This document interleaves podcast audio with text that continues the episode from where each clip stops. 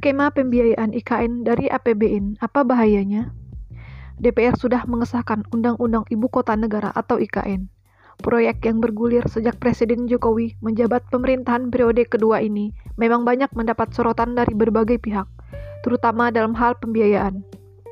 Pembangunan infrastruktur IKN yang ditaksir mencapai 466 triliun terprediksi akan membengkak tiga kali lipat.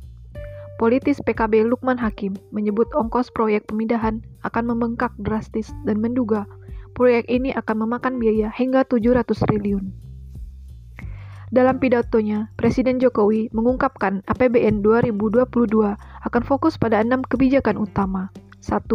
Sektor kesehatan, yaitu pengendalian COVID-19. 2. Program perlindungan sosial bagi masyarakat yang kurang mampu dan rentan.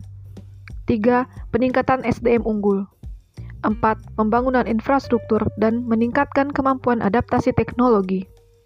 5. Penguatan desentralisasi fiskal untuk peningkatan dan pemerataan kesejahteraan antar daerah.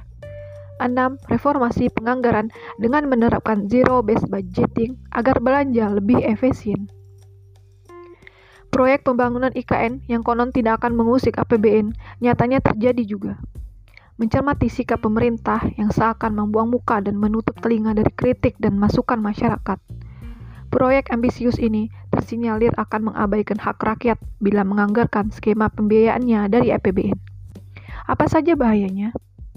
Pertama, merampas hak publik, yakni mendapatkan penanganan dan layanan optimal, semisal akses kesehatan, bantuan sosial, dan pemulihan ekonomi rakyat. Kedua, mengkhianati amanat rakyat, Ketiga, lahirnya kepemimpinan otoriter.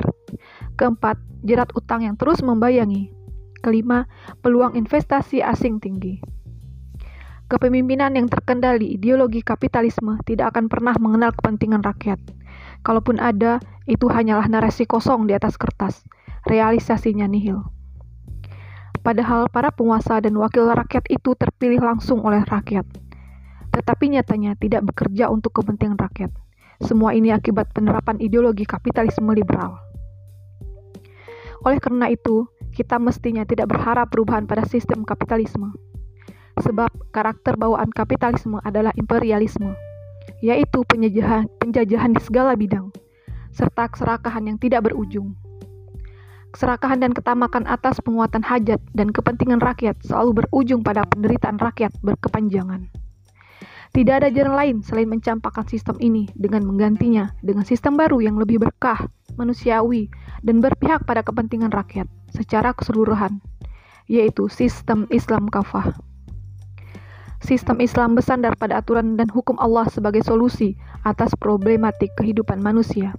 Sistem ini benar-benar bebas dari kepentingan pribadi, kelompok, maupun keserakahan, kekuasaan karena aturan Allah bersifat baku tetap dan adil untuk semuanya. Wallahu alam.